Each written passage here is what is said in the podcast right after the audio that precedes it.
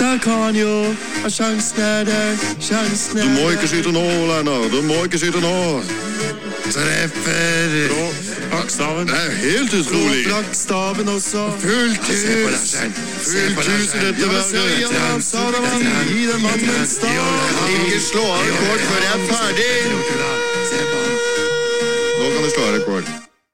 Det var litt tidlig, det. Subjektiv idrett! Woohoo! Yes.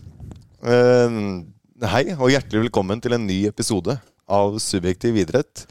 Dette er, eh, er jo en litt spesiell episode, for for første gang så har vi fått inn en gjest som faktisk har fagkunnskaper innen det vi skal snakke om. Eh, Men først skal vi snakke med en som ikke har det.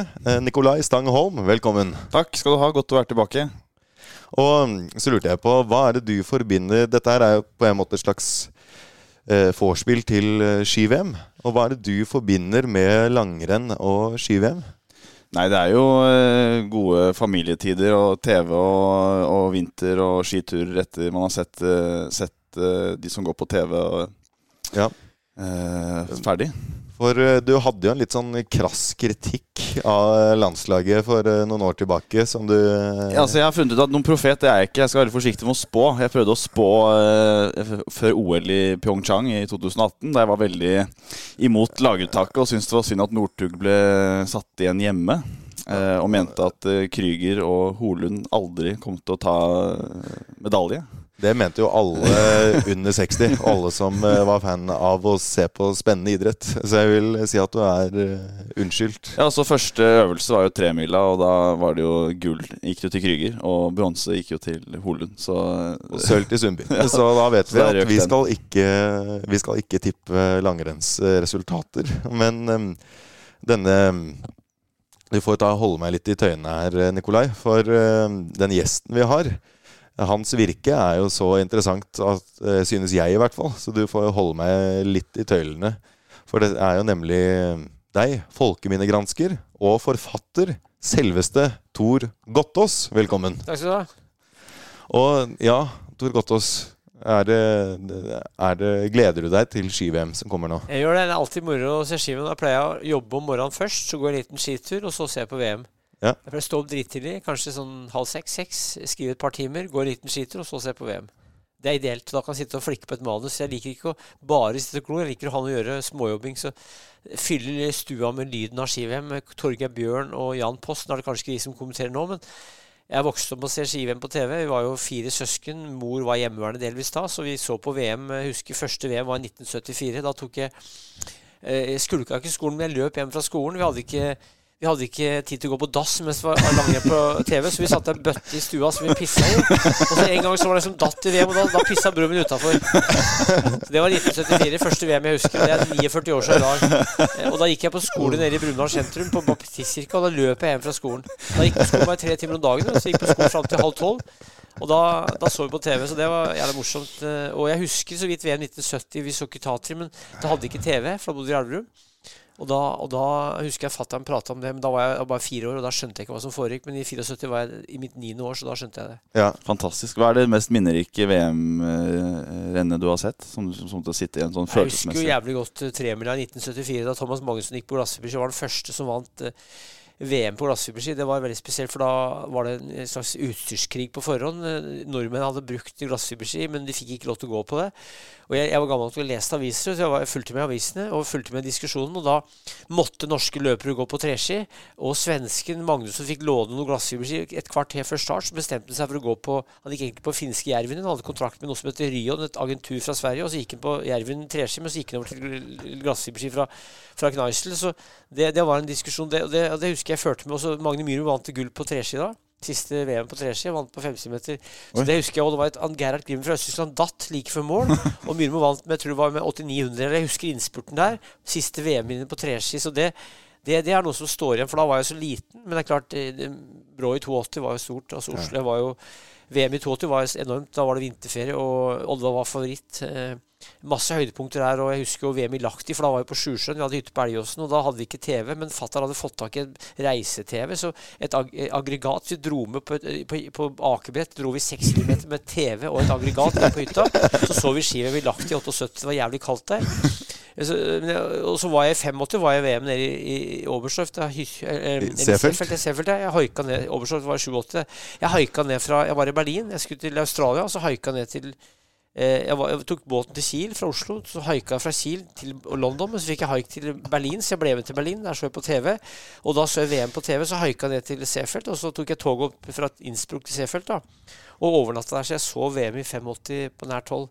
Før jeg dro videre til haika ned til Paris og dro til London og Australia. Men jeg så altså, var der i fem-seks dager. Det var moro. Ja, Det var det første VM-et du så live. ja, ja, for Ja. 82 så skulle jeg egentlig vært og sett på femmila, men da var femmila samme dag som det var norgescup i Furnes, og jeg gikk i langrenn sjøl, så jeg gikk i 16-årsklasse. Så den, den dagen det var femmila i Kollen i 82, så dro fattern og bror min og så på, og jeg gikk norgescup. Det angrer jeg egentlig på, men da så jeg eh, femmila på TV etterpå, så jeg var ikke på, to, jeg var ikke på VM i 82. Men, men, eh, men så det første VM var jeg så live, var i 85, og jeg har jo vært på noe senere òg, men eh, det, det er masse VM. Altså. Jeg, har sett, fulgt, jeg har fulgt med ganske bra fra de siste 50 åra. Det er Fantastisk. Ja. helt fantastisk. Tor, du har jo, du har jo skrevet eh, 45 bøker. Ja, som er gitt ut. da. Jeg skulle mange flere. Som ikke er sikkert flere som er gitt ut. Jeg er ikke ferdig med 45 gitt ut, ja. Det er jo helt vanvittig imponerende. Eh, og blant disse er jo Birken, eh, Femmila, norske hoppbakker, og så så jeg også norske utedoer. ja. Og det vekket min nysgjerrighet. Eh, Det er norgeshistorien sett inn med dohøl, og boka er så solid at den kan ligge på utedo. Men det er, nei, papiret er så tjukt at du kan ikke tørke deg med det. Så det er, det er en kulturhistorie med et do, i doen som perspektiv, og det høres rart ut, men du vet, do har jo mye hygiene å gjøre. Det har med hvilket uh, syn vi har på møkk. Så det er faktisk mye mer kulturhistorie enn en skulle tro. Så det er altså en reise i norgeshistorien fra, egentlig fra vikingtida fram mot i dag. Eh, Det første vannklosettet kom da på Skibladen i 1854. På damedoen der var det dame som satte seg ned på doen og gikk på damedo der med vannklosett. Og familien Andresen, som eier Ferd i dag, de hadde hus i Storgata, og de hadde Norges første private vannklosett. Grand Hotel hadde Norges første eh, van- vannklosett på Det er ikke utedo, altså, men vannklosett på Ja. Grand Hotel. Og der var, det, eh, der var det folk eh, kom dit for å se på, og da var det eh, betaling for å gå inn, og det var ekstra betaling for å trekke opp. Så hvis du, du trakk opp dassen, måtte du betale ekstra. Det var på 1860-tallet. Eh, Men det var få som hadde vannklosett før 1900, og navnet utedo kommer av at det kom etter krigen. For da måtte du ha en innedo for å få navnet utedo. Så det, navnet utedo er faktisk fra Ja. kom på 50-tallet. ja, det er sant, for før det så var det bare do. Det var bare, ja, riktig. Do eller dass. Det kommer av det lille huset. Donhaus, eller Das House, House, det lille huset. Så det er et utenlandsk navn. Det heter jo Privet, Lokum, Driteren, Vetlehuset, Lillehuset. Det hadde mange navn, men do og dass er navn som kommer av utenlandsk, av utenlandsk opphav. Altså. Hvordan er det du gjør research når du skriver bøker om Hvis jeg har en idé, f.eks. boka her ligger her, her ligger en bok som heter 'Løpingen verdenshistorie'. Ja, Da lette jeg etter en bok om løpingens verdenshistorie, og det fant jeg ikke. tenkte jeg, faen, det må jeg skrive sjøl. For hvis jeg ikke finner den, så vil jeg skrive den sjøl. Så jeg var interessert i emnet, og da lager jeg en notatbok hvor jeg skriver bokidé. La oss si jeg skrev da bokidé f.eks. 4.1.2004. Så kunne jeg notere ned masse ting om den ideen her, som var løpeboka, for den kom i 2008. Men jeg begynte å tenke på den rundt 2004. Og da begynte jeg å samle stoff, og så begynte jeg å tenke hvem jeg skulle intervjue. Og så begynte jeg å jobbe, og da begynner jeg å skrive. Da skriver jeg en, da skriver jeg en, en, en bokstav, et ord, en setning, et avsnitt, ei side, et kapittel. Sånn blir det framover. Ja. Så det er jævlig enkelt, men ikke lett. Men jeg, altså, jeg begynner bare å jobbe. Og så har jeg en plan på hvor mye sider jeg skal skrive, grovt sett. Her var det 400 sider. Jeg skrev 700. Jeg måtte kutte ut 300 sider. eh, men det, det var fordi jeg hadde så mye stoff. Men, så det er egentlig veldig enkelt, men ikke lett. Og jeg, jo ikke, jeg har jo ikke gått noe kurs som forfatter. Jeg har studert folkeminne og lært meg folkeminnefaget. Men jeg har jo lært meg å skrive bøker på egen hånd, og da lærte jeg med, gjennom mye, mye tabber. Så jeg lærte hard way. Lær, en metode som passer for meg. og den det er jo ikke noe fasit på det, men det går mye på interesse, og at jeg er interessert i, interessert i å skrive. da, interessert i, å, i de emnene jeg skriver om. Så jeg er jo egentlig motivert av interessen, og at jeg får kick av å skrive bøker. Altså. Ja, Ja. så kult. Skikkelig kick. skikkelig kick Ja, altså. for du skriver jo ganske bredt altså, hva, hva Mm. gjelder tema. Ja. Vil du si at du er en nysgjerrig type? Jeg er enormt nysgjerrig. Jeg er interessert i alt, egentlig. Og, men ikke, ikke, ikke, jeg er ikke interessert i å skrive bøker om alt, men jeg er interessert i å undersøke veldig mye. Og her er en bok om Magnus Ulf Larsen, en bokser. Han var tater. Og han, Den kom inn i utgave i fjor. og han, han, han var da en kar jeg kom borti i boka om Ørkenen Sur. En søppeldynge av norske sjømenn i Brooklyn på midten av 20- og 30-tallet. Så han var en type jeg fant stoff om der, og Ja. der er et kapittel om han. Men så lagde jeg en bok om han. Ja. Og her er brødrene Kvalheim. Kom i 2021. Det er to løpere som Eller i 2020. To løpere fra Oslo som jeg også er interessert i. Så eh, det er jo ikke bare om Kvalheim, det er om Prefontaine og Eugene og løpe... eh, Altså Nike. Nike. Så, så det er emner jeg har vært interessert i, og så ser jeg at her går det an å lage en bok, og så gjør jeg det. Så det Fantastisk. ja. Og så er det andre Jeg tenker Hvis jeg er interessert i noe, så er det andre som er interessert. For at eh, jeg er jo kanskje litt sær, men jeg er ikke så sær. Det er mange eh, menn som er interessert i det jeg driver med særlig. Så jeg tenker at da er andre interessert, og forlaget må jo godta ideen. Ja.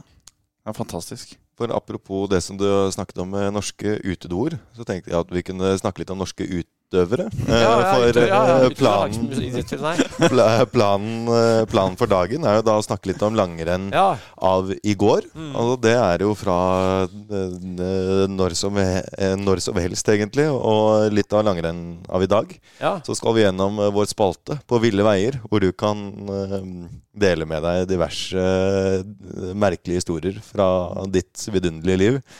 Så blir det en liten quiz mellom oss to. Da får vi jo sett om jeg virkelig er som Dag Otto Lauritzen eh, på huskestue i forhold til deg. Kan jeg si mye Eh, mer. Jeg er mye ikke kan, også. Nei, Det, det tviler jeg på. jeg blir helt satt ut, jeg. Bare du Nå har du fortalt elleve minutter vare om uh, ting du mener at du ikke kan noe om. Så jeg frykter eh, mitt resultat i den quizen der. Men da tenker jeg at vi skal videre til altså langrenn av i går. For vi skal jo snakke litt om, om ski-VM. Det er jo i forbindelse med ski-VM som skal være nå. Og du har jo gjort eh, din forskning. Og mm, da har du jo sett og hørt veldig mye rart. Ja. Da lurer jeg på hva er det merkeligste, eh, det mest absurde som har skjedd i forhold til ski-VM, som eh, med dagens øyne, da, eh, kanskje er absurd. I 26, altså Det første skien var, var jo egentlig OL i 24, som regnes som VM i ettertid. Og det første offisielle var jo 25 i Johannesbad i Tsjekkoslovakia. Men det første offisielle var i 26 i Finland, i Lahti. Og der var det så jævlig kaldt. De norske løpere hadde med seg lange ski, for, for i Finland så brukte de da lange ski og lange staver. Eh, de norske løpere hadde med utstyr som var 2,40 langt. For øvrig så var det så mye is på Østersjøen det året at det svenske laget Det gikk ikke båter over Østersjøen. Så det svenske laget vurderte faktisk å gå på ski over isen. Eh, men, men så kom de fram altså, til slutt. eh, Men, men altså, det, var snakk om at det svenske landslaget skulle gå på ski over isen til Finland. Men det var så kaldt i Lahti i, i 26. Det var minus 42 på femmila. Og de finske løperne gikk med gipsmasker, så ut som dødende i skogen. Og de kjøpte spesielt undertøy. Og i skogen så var det store bål som løperne stoppa ved å varme seg for å unngå å fryse i hjel. Og vi vet at eh, eh, Raivio fra Finland som vant, han hadde jo maska gips. Det hadde ikke de norske gutta, men en som heter Asbjørn Elgstøen, eller Elgstua fra Lunder kommune i Nordmarka, plassen Elgstøen i Nordmarka i Lunder kommune, han fikk en forfrysning på 18 km eh, og hjernebetennelse, og døde faktisk senere, tre uker etterpå.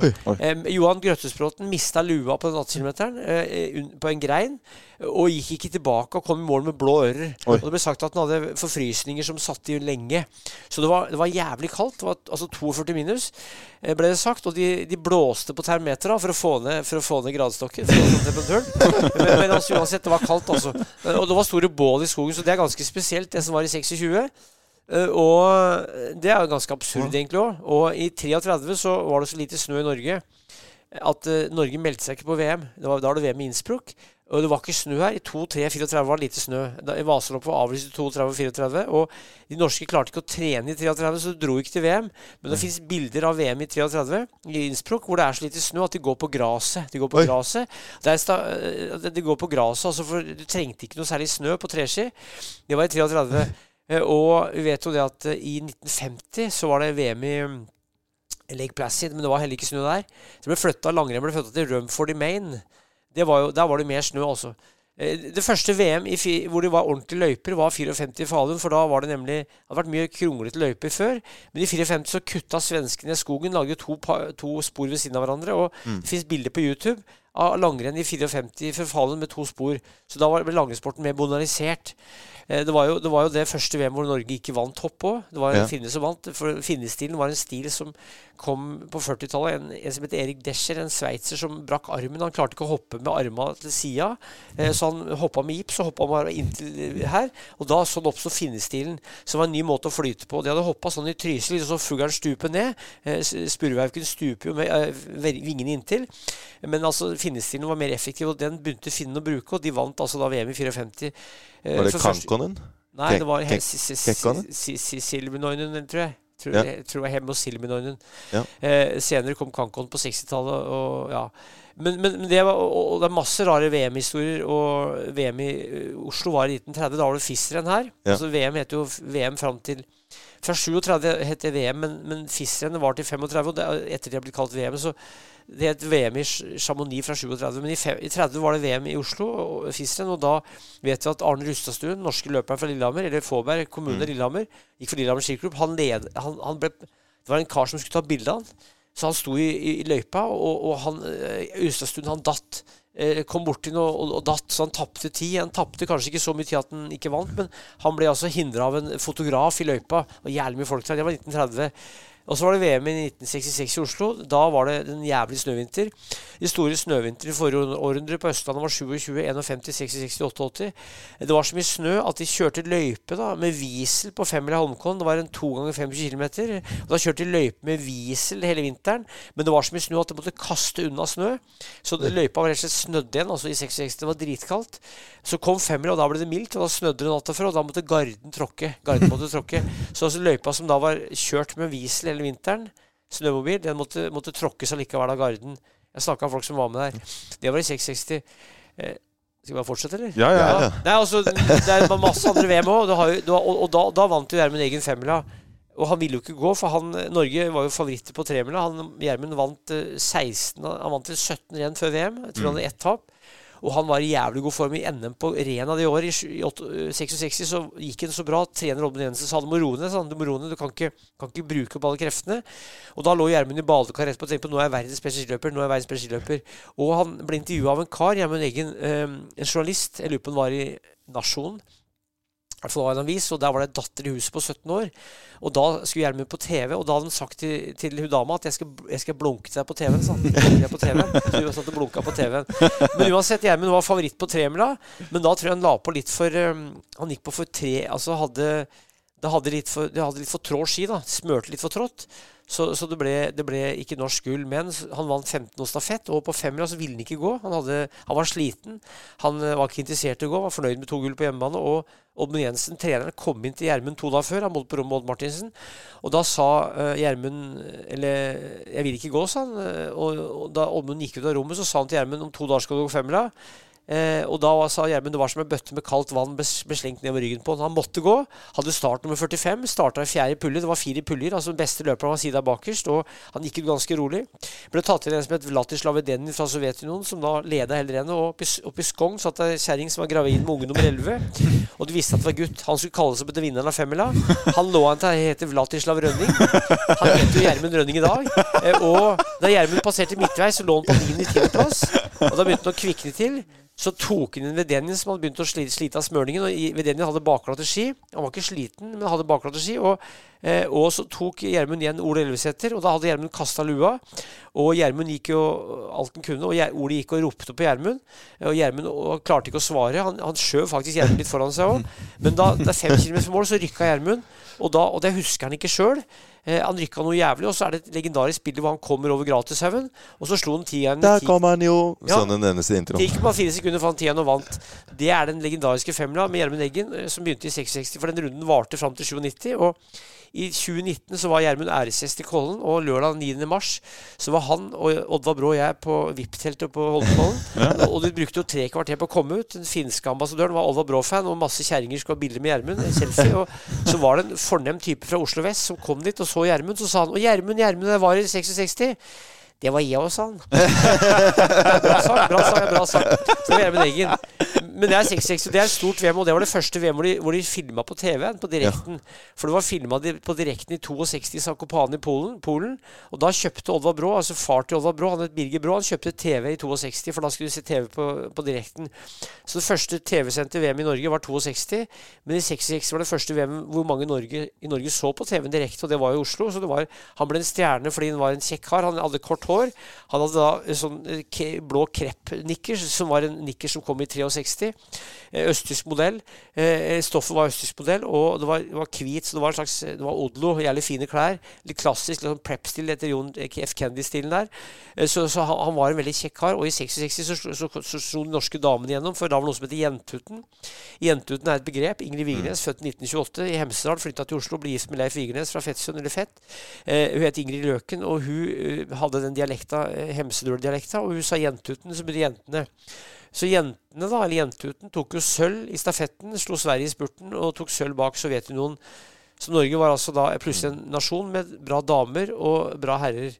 Eh, og da Norge vant stafetten i 660 VM i Oslo, så hadde ikke Norge tatt mer enn ett gull i VM på, i stafett. Og det var i 37.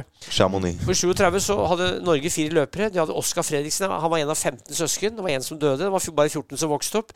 Faren bygde egen hytte, så sju brødre sov på flatseng.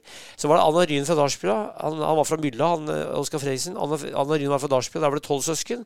Lars Bergland fra Sør-Kragen. Der var det åtte søsken. Og Sigurd Røen fra Rindal. Der var det sju søsken. Så på fire søskenflokker var det 42 søsken. Det blir ikke så veldig bortskjemt da. Ti og en halv søsken per søskenflokk. Eh, og det var da laget. Det, det var da den seieren vi hadde i VM. Det var 37. Og da Gjermund vant eh, den femla i 66 så hadde ikke Norge, hadde ikke Norge gull på 5 eller 39, da, da Lars Bergendal gikk på 2,57, var det vel, i, i Sakopane. For da var løypa kutta litt av. Løypa var kutta, og da de norske lederne kom ut i, i, sporet Det var et sted du kunne kutte løypa lengst ut i løypa der. Jeg snakka med en som var der. Johan Kvernberg, født 1915. Han døde for noen år siden. Jeg, var, jeg besøkte den før han døde, for jeg snakker med gamle folk før de dør. Så, så var jeg, Der sto Kvernberg matstasjon i løypa. Og der kom han, og der sto de svenske lederne for å passe på at nordmenn ikke kutta løypa. Og da han Kvernberg sto der, så kom de finske lederne for å se at nordmenn og svenskene ikke gikk ut av løypa. Det er den første seieren på Norge Det var den seieren vi hadde på femmil. 39, og så hadde vi stafett i 37. Så Norge hadde ikke så mange gull i VM. Norge hadde ingen individuelle langrennsgull i VM etter krigen. Da men Egen vant i 660. Tenk på det. Oi. Hvis man ikke regner OL som Jo, ja, ja, ja du må regne med OL. da. Du har Hallgeir Brenden i 60, og, eller 54, 52 og 66, og Håkon Brusen i 60. Men du hadde ikke da VM var jo i 1950, 54, 58 og 62, så det var bare det én, to, tre, fjerde VM etter krigen, ja. egentlig. Hvis du tar strengt tatt, da. Ja. Eh, men vi hadde lite gull, og det var ikke som i dag hvor du kunne bade inn til gull. altså. Det var jævlig hard konkurranse. Eller altså, Konkurransen var stor fra Sverige, Finland og Sovjet, mm. men det var ikke så mye gull. Og det var færre øvelser. Det var fire øvelser for menn og tre for kvinner. Italia begynte å gjøre det bra da. De ja. Franco Nones og mm. sånt. De kom jo på Vant jo bronse ja. på herrestafetten, som var deres gjennombrudd. Og, og Gerd Grimmer gikk jo bra på femmil, så det kom opp noen vesttyskere og østtyskere, og italienere som kom opp Eh, så, så, det var jo nordiske grener, og det er jo noe, noe det fortsatt er. Men russerne var ikke så gode da. Men det var Det hardna til i konkurransen etter hvert. Særlig på 70-tallet. Vet du hvorfor det gikk 18 km jeg vet ikke. Ja, jeg vet ikke, og det har jeg prøvd å finne ut. Men jeg vet ikke, men, og det er ikke 10 miles, for 10 miles er jo 16 km, så jeg vet ja. ikke. Og det er et eller annet rart med det der, og det, det går sikkert an å finne det ut, men i Brumunddal er det en legendarisk løype som heter 17 km. Og det er brukt mm. som en konkurranseløype før krigen, og det var 17 km. Men 18 km var jo en egen gren i um, lenge, så det, det, må gå an å finne det ut, altså. Mm. Ja. ja. men um, ja, apropos 70-tallet. Du sa at dere dro med et aggregat til hytta i, i 78. Ja. Det var vel ikke mye å juble for etter å ha tatt inn det Nei. aggregatet. Det var jo Norges uh, dårligste ski-VM gjennom alle tider. Tok vel bronse, var det ikke? På stafetten, ja. Ja, herrer. Da datt Ivar Formoe på tredjeetappen, så at det var jo Sverige som vant foran Finland. Thomas Magnussen rykka der. Slo finnen. Men, men det, det, var jo morsomt å se på. Men det var jo ikke den store medaljen. Men da husker jeg Vi så jo ikke på VM bare for å se med norske medaljer. Vi så jo på fordi vi likte langrenn og hopp mm. og kombinert. Så mm. det var like mye underholdningsverdi å sitte på hytta i vinterferien det var jævlig kaldt, husker jeg, så hytta hadde ikke noe vann eller strøm. Vi måtte fyre. Eh, men det var moro bare å ha tilgang på en, eh, en liten svart-hvitt TV og et aggregat som gjorde at vi fikk en slags strøm.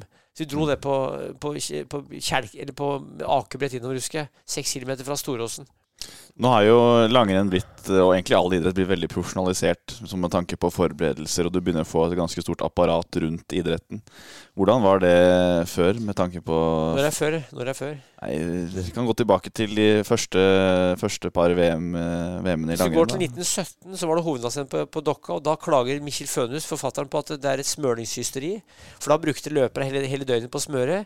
Så hvis du går til 19, 1910 oppe i Trysil, så klager de på at det er profesjonalisering. Så allerede da De beste løperne i 1920 de, de kunne ikke jobbe om vinteren. Hadde ikke tid. For det, da var nemlig langrenn det var da bestod besto av eh, Hvis det var landsrenn, så var det tremil på torsdag. Så var det hopping og langrenn lørdag og søndag obligatorisk kombinert.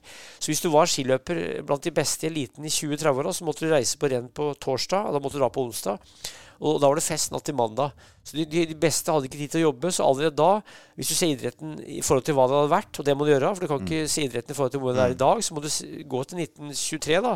Så må du se at hvordan det var i 1903 eller 1893, vil du se at det var mer ekstremt i 23. Så da var det de som levde da, si at, eh, at eh, idretten var veldig profesjonalisert allerede i 23. Og Haugern Torleif han fikk jo penger av en kar i Drammen mesen. Han, fikk jo, han dro ut, øh, så reiste han ut med mat i sekken. Hadde kanskje med seg smør, noen kjøttbiter, poteter, mjølk eller eh, smør. Ja, og han fikk penger av en kar som var sponsor. De tjente ikke noe penger, men de fikk dekka utgiftene. Så, så hvis du snakker med Hvis du kunne spalt opp de gamle kara, ville jeg sagt at de var på sin måte profesjonelle, men ikke i sammenheng med i dag, for eh, idretten speiler samfunnet, og i dag lever en mye mer velstående verden. Det er mye mer penger, mye mer velstand, mye mer teknologi. Og da er idrettsfolk også De speiler samfunnet, og Norge er et rikt land, et av verdens rikeste land, og da kan vi drive idrett. Så det var profesjonalisering, men du må se det i forhold til sin tid, og det er noe annet enn å se det med dagens øyne. Skjønner du? Ja, ja, absolutt. Men øh, apropos Er det noe absurd som har skjedd etter 1982, som selv eh, med dagens øyne virker absurd? da? Ja, altså I 1985 så kom jo skøyterevolusjonen i langrenn Mm. i Seefeld. Og da var det jo på forhånd sagt at det ikke skulle være lov til å skøyte, tror jeg. Det ble sagt at de ikke skulle skøyte, men da drev Gunde Svan og kødda på stadion. Jeg var der og så det. Han gikk med én lang stav. Og, og han eh, skjøt fart på flåa der. Jeg husker jeg sto og så Gunde gikk. og han kødda, og det var mer en spøk, tror jeg. Å, og da ble det, kom det regelen om at du måtte ha to staver.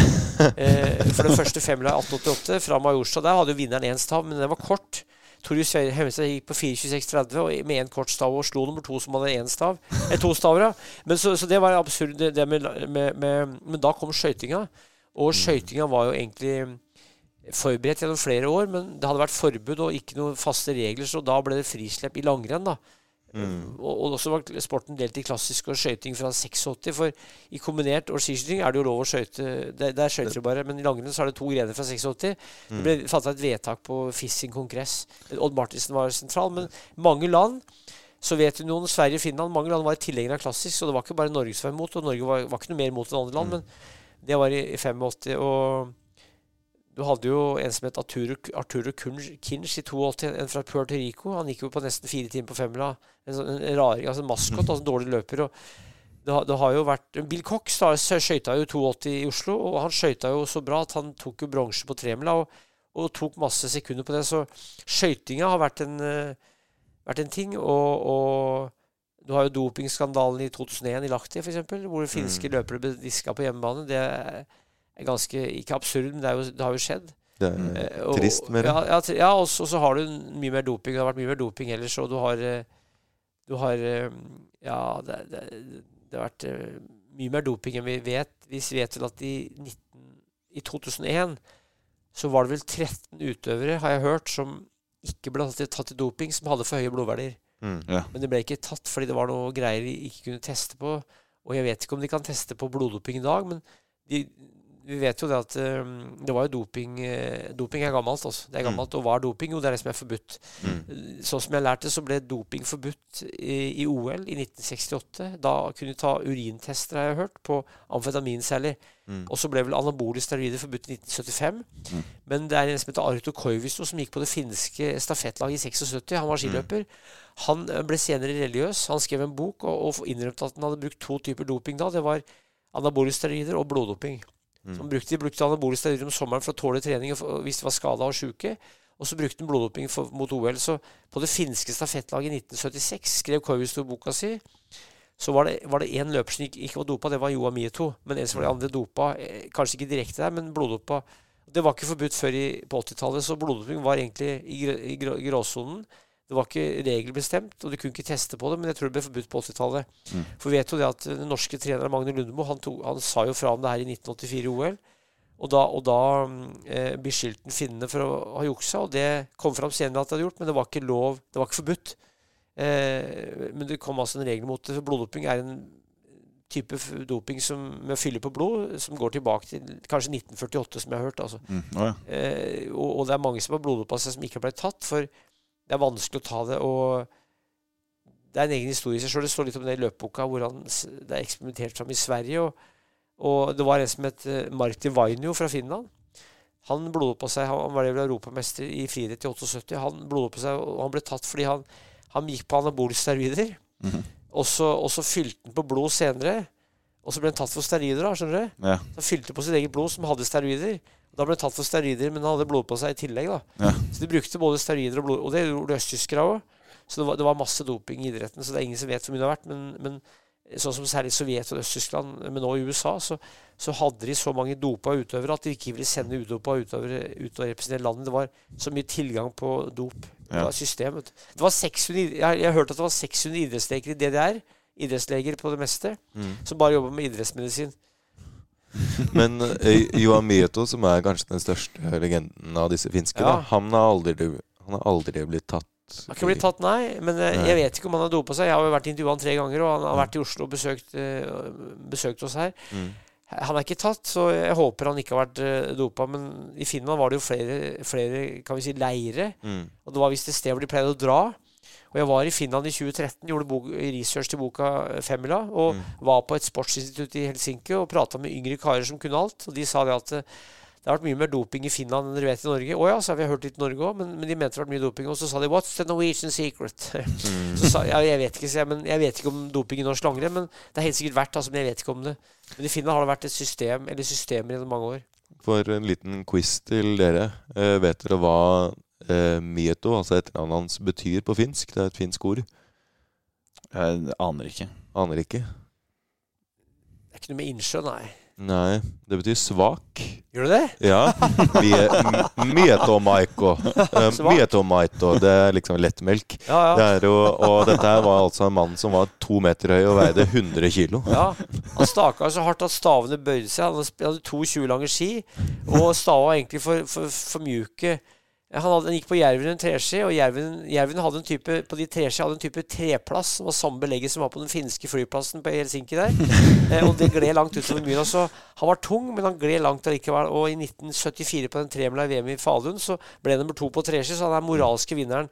Magnusson gikk på glassfiberski Kneisel. Nummer tre Jan Stasel Polen gikk på glassfiberski Kneisel, og Mito nummer to hadde et, et treplastbelegg med treski fra Jervene, så han, han var egentlig den moralske vinneren. Og i 1980 så ble Mito slått med 8000 eller av Thomas Vassberg på 50-meteren, som ble forhøya til en hundredel. Mm. Og, og gikk og gråt sine bitte tårer av, av stadion. Ah, For det var en argentiner som var i oppløpet. Mito kom på oppløpet. Så var det en argentiner foran, så måtte Mito gå ut, og da tapte han gullet. Argentineren hendra hans. altså. Da var det jo Det som var spesielt med akkurat det gullet der, var jo at eh, Thomas Magnusson eh, Nei, Thomas Vassberg. Vassberg. som vant det gullet. Han eh, ville jo ikke Selv om det var hans første gull, så greide han ikke å juble. Siden han syntes så synd på Mieto og lå, uh, tilbød seg å skjære gullmedaljen i to for at han Han skulle smelte sammen gull og sølv. Og det, og det hadde han spurt Mieto om to ganger. Mm. Og Mieto sa 'inte sant', inte sant. Han ville ikke. Og jeg snakka om Vassberg. Vassberg er fortsatt irritert, visstnok. Fordi han fikk det gullet, han mente det skulle være delt. Mm. Han liker ikke For Vassberg tok jo senere OL-gull og VM-gull. Så for Vassberg var egentlig det gullet delt. Mm. Og det er jo helt Altså, jeg vet ikke om man kunne ha sett eh, på fotofinish, nesten, om det er ett hundredels forskjell. Så det er eh, Det er eh, Den, synd for den, Mieto, men han takket i hvert fall nei. den samvittigheten der hindret ikke Emil Iversen i, i, i eh, 20, I 2000 og, Jo, eh, 2021, var det vel? er på femmila der, hvor På han eh, da. kom først, selv om han var ti meter bak eh, de spesielt. moralske vinnerne. Litt, litt annen situasjon. Ja. Men, men Vassberg, han, han eh, Men Mito, han sa det at eh, han ble nummer fire, ble han ikke nummer fire i 1972 i OL i Sapporo? Han, eh, da var han en tiendedel bak Ivar Formoe, tror jeg. Det, det, Ja. var, det, er, det jeg syns var bitrere. Ja, ble han ikke det, Nikolai? Ja, Jeg tror det, jeg tror det. Ja, for at, for at, men uansett, da, Mito han, han går ikke og tenker over det, men han har blitt berømt for det der. Og Vassberg som sagt ville gjerne delt det gullet. og de kuttet ut hundredelene etter det. Men eh, et ski-VM som jeg i hvert fall tenkte på i nyere tid, som har vært veldig spesielt, det er jo det andre ski-VM-et i eh, utenfor Europa. Vet du hva jeg sikter til der? Hvor- Første var, jo, første var jo i 1950. Og det andre, det er vel det er vel på Sapporo, da. Det var jo Hvis du ikke Tøn- regner med OL Thunder Bay. Thunder Bay. Thunder Bay, ja, Thunder Bay 95, og det var jo pga. at de hadde en diesel-VM, som det kalles. Hvor de måtte legge kluter For å- det var så mye møkk og dritt i løypa. Legge Og jeg snakka med løpere som var Da var, da var han eh, Smirnov var jo sannsynligvis ganske dopa, men da måtte de legge kluter for å få bort all dritten. Så det var lukta diesel i hele skogen der. Det var spesielt eh, Thunder Bay 95. Ja, det gikk jo på et sted hvor ingen hadde interesse av langrenn òg. Det gikk ut i bushen der. Det var spesielt VM. Jeg husker jeg så på det, altså. Det, det var vel litt sånn eh, eh, Særlig da det kom året etter OL på Lillehammer, Ja. som var kanskje det største langrennsmesterskapet noensinne.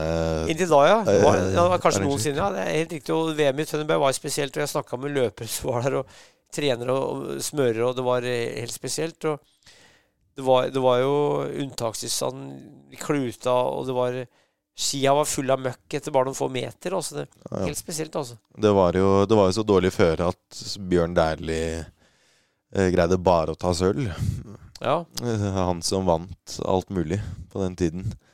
Men eh, så kom det jo et VM der eh, Apropos Norge, så kom Ja. det jo VM i 97, som Ja. var OL på Lillehammer på nytt igjen, egentlig. Det var litt, Litt dårligere vær, men eh, det var regna litt opp der. Men det var helt, riktig. Det var like mye rødt og hvitt. og det var jo en god del doping på dette her. Vi vet jo ikke hvem som har dopa, men det var jo sannsynligvis en del finner og italienere, tror jeg, i langrenn. Mm. Og russere. Eller sovjetrussere. Så det, så, så, det var jo Sovjetunionen blitt oppløst, så det var jo russere. Men, men vi vet jo ikke Det, det, er, det er jo det er umulig å si, men, men, men det var veldig mye bra langrennsløpere. da, For de som har målt blodverdiene på de løperne, sier at det, det steg. Det Mm. steg fra 89 i Finland. De begynte å teste, måle blodverdier, så da steg blod, der eh, verdiene steg framover.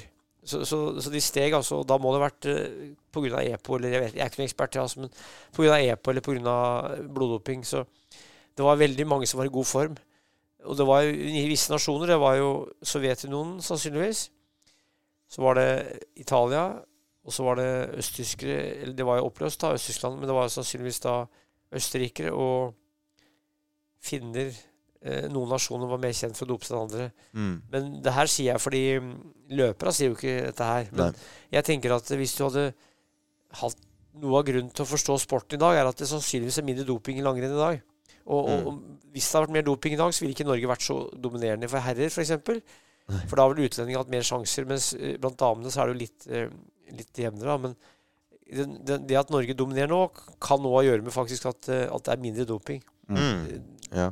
Estland hadde òg et problem med Verpalu. Så det var visse utøvere fra visse land som hadde mot VM og OL hadde en tendens til å dope seg, og det gjorde at du fikk en annen medaljefordeling hvis ikke det var doping i det hele tatt. Og det Mm. gjør at eh, tyngdepunktet For nå prates det om at langrennssporten er så dominert av Norge for menn, men det skyldes bl.a. litt at, eh, at det sannsynligvis er mindre doping. Mm. Tror jeg. Tror jeg.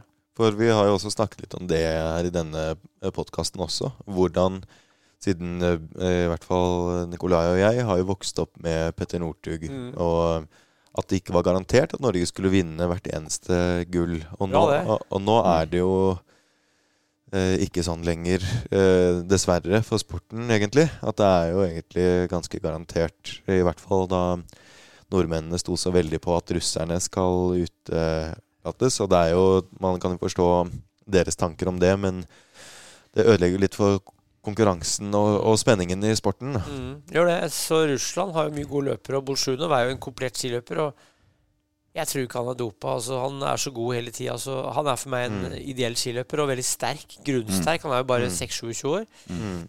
Går veldig pent på ski både i, og rasjonelt både i klassisk og skøyting. Og er en russisk urkraft. Så det er jo synd Mm. at han ikke får konkurrert sine beste år. Nå er han i sine beste år. Og Mm. han hadde jo så klart vært eh, minst like god, kanskje bedre enn den norske. Så, Mm. og det er flere løpere her, så det er veldig synd for sporten at de ikke at ikke de eh, går så bra. Og f.eks. italienere. De hadde jo mye gode løpere på 80- 90-tallet. Og Mm. med litt eh, doping de, de, de var dopa, mange av de løpere, og det gjorde at de gikk fort. Har man funnet ut av det, eller er det Nei, det er vel det bevist gjennom eh, Det var vel EPO, det var vel bevist gjennom ja, Conconi, en italiensk lege. Så Mm. det er vel det jeg sier nå, er ikke noe jeg finner på. Det er Nei. ting som kan dokumenteres eller bevises. Men, men Mm. ikke at, jeg tror ikke de har mista medaljen av den grunn. Men, men det, det var, noe av grunnen til at de var gode, var at de hadde mange utøvere, og at noen Mm. av de utøverne var systematisk dopa i en tid da du ikke, ikke kunne teste på EPO.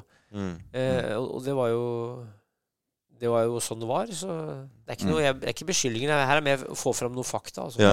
Bolsjunov er jo eh, helt han er jo, For meg så er han kanskje det nærmeste man kommer vakker på ski. Ja, ja. Jeg syns det er det å se han, eh, han gå. Og, og jeg Klassisk da, tenker du på, eller? Ja, men Enormt, også, også, også faktisk etter hvert i, i fristil, så Ja, syns jeg han ja, eh, Jeg husker VM i 19. Ja. For jeg, jeg var jo så lei Jeg var på en sånn liksom, motreaksjon til at Northug var ferdig. Og, og et eller annet med de der heltene sånn følelsesmessig fra barndommen som man på en måte aldri kan la erstatte. Eh, og så så jeg da den femmila i 2019, hvor han begynte å uh, han, Først gikk jo Holund fra og fikk jo et hav av tid. Og så begynte Bolsjunov å følge, og da husker jeg det hadde skjedd et eller annet med fristilen hans. Uh, hvor han gikk uh, utrolig flott. Og han tapte jo mange gull på altså Selv om han var en komplett skiløper. Han hadde jo kanskje kapasiteten til Bjørn Dæhlie og spurteegenskapene til Petter Northug, men hadde jo taktikken til eh, Philip Boyt eh, nesten fra Ja, ja, Kenya. ja, Siden ja. han, eh, han dro jo på Ja. Sjur Røthe og eh, Jonsrud Sundby, Ja. som Ja. eh, eh, ikke hadde stått Hadde jo tapt med 150 meter på en 100 meter om de hadde spurtet mot hverandre. Og, og så lot han jo Holund gå på femmila. Så hadde han løst det litt bedre taktisk, da, så kunne han jo endt opp med mange flere gull enn det han har eh, fått. Og som Nikolai sier, at han ble litt kritisk til eh, langrennssirkuset. Jeg husker jo mm, eh, Jeg tror det var jeg som sådde et frø i deg da. For jeg husker jo stafetten i 2017, som er ansett som en klassiker. Og det Ja, er jo det. naturlig at den er det. Ja.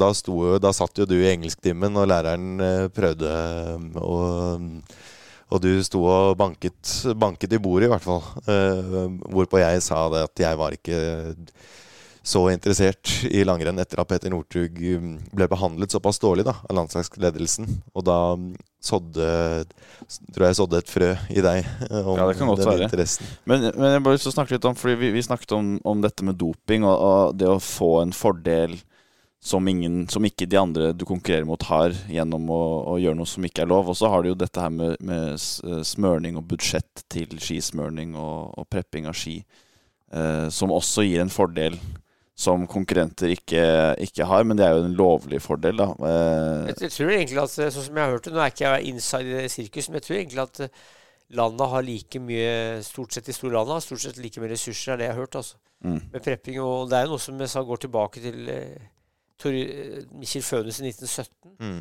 Han, De brukte mer tid på å preppe ski enn på å trene. Og på den første femmila i 1888 så, så var det ingen som smørte. Så De brukte bare kyre og tjære. Så det med smør, og det var foreslått på 20-tallet at de skulle, alle skulle smøre med det samme.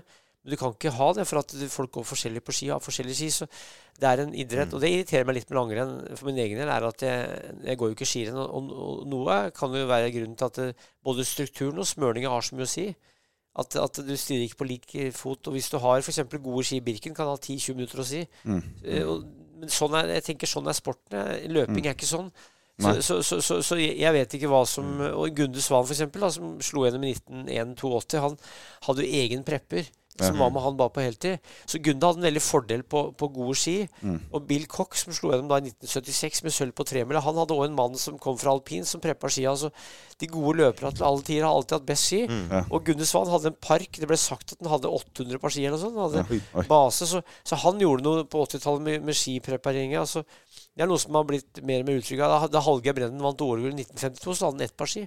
Ja. Han var, da I 52 gikk han på noe som heter Alme Brodal, som var en ski lagd på Hønefoss, lagd av Ivar Alme og Sverre Brodal. Uka før så fikk Hallgeir ei flenge i skia. Fikk jeg flenge i skia, og da, og da, og da, og da spurte han, ringte han til Sverre Brodal og kan jeg få, få en ny ski. For Hallgeir han trengte en ny ski. Nei, han hadde bare ett par, da. Nei, han kunne ikke få det, for han Hallgeir var så, var så spenstig, så han brukte skia som trampoline, for det var staupete løyper. Så han kunne ikke få stive nok ski, så han tetta flenga med grønnsik, så vant OL-gull. Han hadde ett par ski. Det var i 1,52. Men, men, men da du kom til 64, så hadde de beste løperne kanskje tre-fire par ski. Ja. Uh, og så da vi kom til 1985, hadde Olve Brå fem, fem par ski ca. Og i dag så er det kanskje 20 par, så du får flere flere ski, mer og mer utstyr. Ja.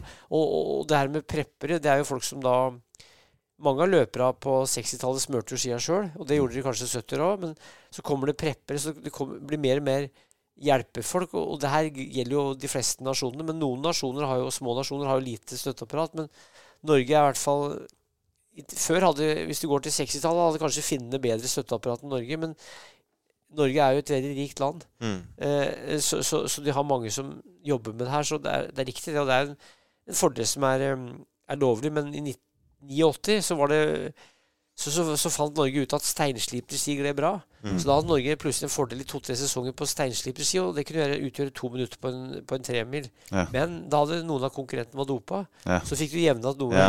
Så norske løpere, sånn som Alsgaard, han vant tremila i 1934, gikk, Mm. på et par ski som var jævlig bra, bra glid på. Mm. Men da var kanskje noen av konkurrentene dopa, så de var dopa, han hadde bra ski. Mm. Og da, da, da kan du si at steinslipinga jevna ut noe, noe av dopingen, men så Ja. fikk de andre, do, andre steinsliping. Ja. Så det er masse sånne I skihopping så fikk østerrikere gode dresser i 1974 om høsten. Mm. Og i dag 74-75 så var østerrikere best i verden fordi de hadde bedre dresser. Utgjorde ti meter. Mm. Oi. Det var en som het Alfred Pung, en østtysker som ikke kunne hoppe ski. Han hoppa ti meter lenger, men han fløy nedover. Eh, Så skihopping var det masse sånn, men, men, men det er løping, da, og eh, eller langrenn, så Ja. det er ulike faktorer som teller. Men jeg, jeg har hørt at, eh, at de smeltet grammofonplater, Ja, og, og at de måtte ah, Jeg tenkte de stoppet i, i løypa for å smelte og smøre om. Eh, Lage bål. De, de, de hadde, Det var Birken i 34, for at eh, de hadde jo grammofonplater som de kokte. Da hørte de gjerne på platen først, så kokte de sammen. uh, og, og løpere de vet at i Birken i 34 så var det jævlig dårlig føre. Og da var det ingen som hadde lamper, men de, de stoppa. Og de, for, og for å legge på smøring så må du ha varm såle og tørr såle. Og det de gjorde, var at de stoppa og tente opp bål, og så hadde kvister og tente opp bål, og tørka såla. Og tørka skia ganske kjapt, og så smurte de om. Det var, det var i 34, og jeg snakka med folk som var med da. For jeg er så født 1913, så jeg snak, de gjorde det, altså. Det er ikke kødd engang. så, så, men, men, men det var jo en måte å gjøre det på. Men, men eh, de kokte jo smørning, og det kom en del smørninger på, på markedet i 20-åra. Det kom hjem på markedet i 04 som et rekord. Lagd oppe i Hammerstugata 5 på Majorstua her. Eh, det var Theo Hansens skifabrikk. Og det kom mye smørninger på 20-30-tallet, men mange blanda egen kok og, og smørning. Så det å gå på egen kok var vanlig faktisk eh, fram mot krigen. Ja. Men da brukte de gjerne Det kom Østby, Fyk, Tento, Findal, Anton Berg eh, og noe svensk og finsk. Så det var mye smøring. Swix kom i 46. Mm. Det er svensk, egentlig. Exelit er vel eh, Rode er italiensk.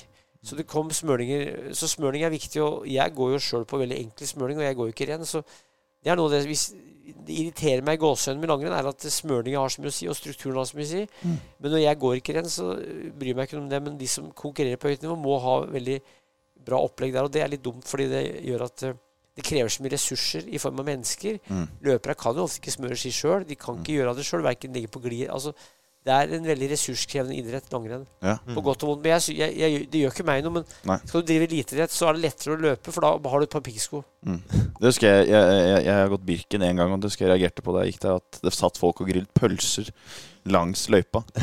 Oppover hele stigningen. Så når man liksom gikk der, så pustet man jo bare inn i sånn bålrøyk. Pølse, ja, jeg vet det, vet det. Eh, så jeg ikke behagelig, altså. Nei, så jeg kan se for meg når de står og koker opp Ja, ja. ved siden av inntil løypa med de løperne som kommer forbi og trekker inn da den der eh, De smelta grammofonplaten og Ha- Hans G. Rundtom fra, fra Gausdal hadde tent opp åtte bål i 1934. Han gikk på 8-12 og klarte å merke eldste klasse. Åtte bål. Da brukte han kanskje halvannen time på det. Altså. Så det jo, men, men det er klart, hvis du kan bruke ti minutter på å lage et bål, og så få ordentlig for å gå på treski på dårlig øh, føre, var helt forferdelig. Altså. Mm.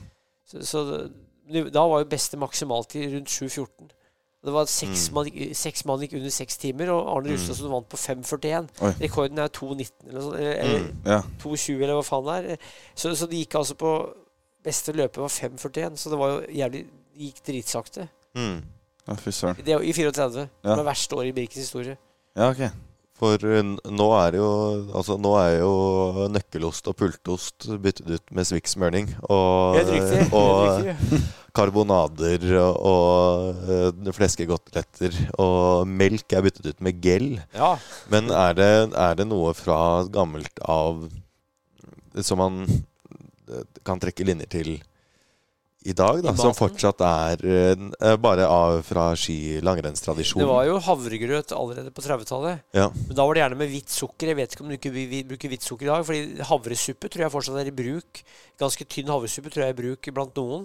Mm. Jeg har hørt. Og det her med at noen løpere har med seg eksempel, de kunne ha med seg kniv, for de hadde kanskje ikke skrapet, de hadde med kniv. Så det finnes jo løpere i dag som går eh, Kanskje ikke worldcuprenn, men med rumpetaske hvor du har noen hjelpemidler. Ja. Eh, så, så jeg tror nok det at Og havregrøt på forhånd, f.eks. Det er Mm. noe som mange spiste i 30-åra. Det spiser de fortsatt. Så Mm. det her eh, kosthold og drikkevanene Nå er det i- kanskje sportsdrikker i dag, men, men eh, langrennstypen er jo den samme. Eh, de som går langrenn i dag, er jo de samme som ville gått for 100 år siden, tror jeg. Ja. Det er noen hardinger, altså. eh, Litt spesielle folk. Som seigpinnere. Mm. Sjølpinnere. Så jeg tror egentlig at eh, de som er gode i dag, ville også vært gode for 100 år siden hvis de orka å satse. Men, men verden forandrer seg, og de bruker de hjelpemidlene de trengs. Eksempel da, da du var bananer på matstasjonen i 30-åra, så var det flere som spiste bananer med skallet på, for de hadde ikke sett det. vet du. Så de spiste bananer med skallet på. Det er, det er eh, Jeg husker eh, da jeg gikk, jeg gikk, så irriterte jeg meg over at det alltid var varm drikke på de drikkestasjonene. Det syns jeg var sånn varm vørterøl uten futt, eh, som man fikk servert. Og så kom jeg over en slette, og så Jeg var, gikk jo på en ordentlig smell. Eh, og så kom jeg over en slette og var daudsliten, og så, så står det da en blondine i enden av den sletten med eh, en kopp med kald cola. Eh, og det var helt vanvittig, husker jeg. Det var, Hvor var det, da? Eh, I Birken. Ja, hvor i Det, ja, det var i Birken, da. Det, det var en av de var ikke, ikke, det er ikke, så, mellom Rena og Lillehammer. Ja, ja, ikke, ikke så lenge før Sjusjøen. Ja, for da, da tenker vi at det er midt, altså går det fra Midtfjellet ned mot, mot eh, Du kjørte ned fra Midtfjellet, og så går du mot Sjusjøen. Så det er kanskje fra Midtfjellet til Sjusjøen et sted, da. Ja, et eller annet sted der. Og så bare kom den der hun blondinen opp av sånn som hun bare oppsto av ingenting. Eh, og ble jo vanvittig vakker. Og jeg kom jo med liksom snørr og, og, og spytt i ansiktet. Og, Kom fra 34, du. og tok imot den colaen. Det var jo nesten som jeg gikk ned på kne. Altså. Det var helt Men det er jo fordi det er koffein, vet du. Ja. Ja, ja. Så koffein gjør det, og for at det sies at når du drikker Hvis du drikker noe som er kaldt, så må kroppen varme det opp til 37 grader. Mm. Hvis du drikker noe som er varmt, så, så må kroppen kjøle ned til 37 Så jeg drikker jo hver morgen så drikker jeg kroppstemperert vann. Jeg er 0,7 liter, for det går rett i systemet. Oh, ja. Og, og det sies at de, og de gutta som går langrenn, drikker jo, drikker jo aldri kald drikke, de drikker jo kroppstemperert. Mm. For da må, du, da må du gå rett i systemet. Men Mm. det var sikkert koffeinen her som gjorde at du fikk en Mm. blanding av cola, hvitt sukker, tror ikke? Koffein, Ja. for det, jeg vet at Erling Jevne, som har vunnet Birken sju ganger, han får jo en blanding av kaffe og koffein, eller kaffe og cola på, på Midtfjellet. Ja. Det er koffein. Ja. Det går rett i systemet. Ja. Og Hvis du da er dehydrert og har lavt blodsukker, så er det mer tjopp, rett opp. Ja. Så Det hjalp sikkert bra, det. Ja, ja, definitivt. Men bare kjapt før vi går videre. Jeg bare kom på en litt morsom historie. Vi ja. snakket om folk som spiste banan med skallet på. Ja, Og min far som fortalte om første gang han så avokado. jeg husker det hadde ikke han sett før. Han, det var han og en kamerat som var på noen tur interrail nede i Europa. Og Når er han født, da? han er født i 68. Ja. Og så var. Mm. var de nede i Europa, og så, eh, og så kom det jo den avokadoen. da Og så tok de, kjø- kjøpte den avokadoen og tenkte hva i helvete er dette her for noe? liksom Vi må jo prøve å spise den. Så de tok liksom og skrellet den av og tok ut alt, og så satte igjen med den steinen. da Og så kokte de den steinen.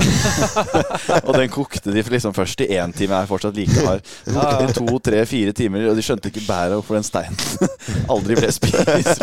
Og så hadde de kasta resten Jeg, jeg så avokado første gang jeg, jeg så den i Europa, men jeg, jeg smakte det første gang i, i mars 1985. Ja. Da var jeg i Barron Bay i Australia, og der var jeg sammen med to australske damer og en kar. Vi var fire stykker, og vi var sammen på en tur i en bil, husker jeg. Han, ja, og da, og da forklarte de meg avokado, for jeg, jeg hadde sett det, men jeg hadde ikke smakt det. Så de forklarte meg åssen jeg skulle skjære opp. Ja. Så jeg lærte fra dag én eh, hvordan jeg skulle skjære opp avokado. Det var jo ha en avokado, skjære, og snitte det opp da rundt hele, og så dele den i to. Ja. Og så spise med skje.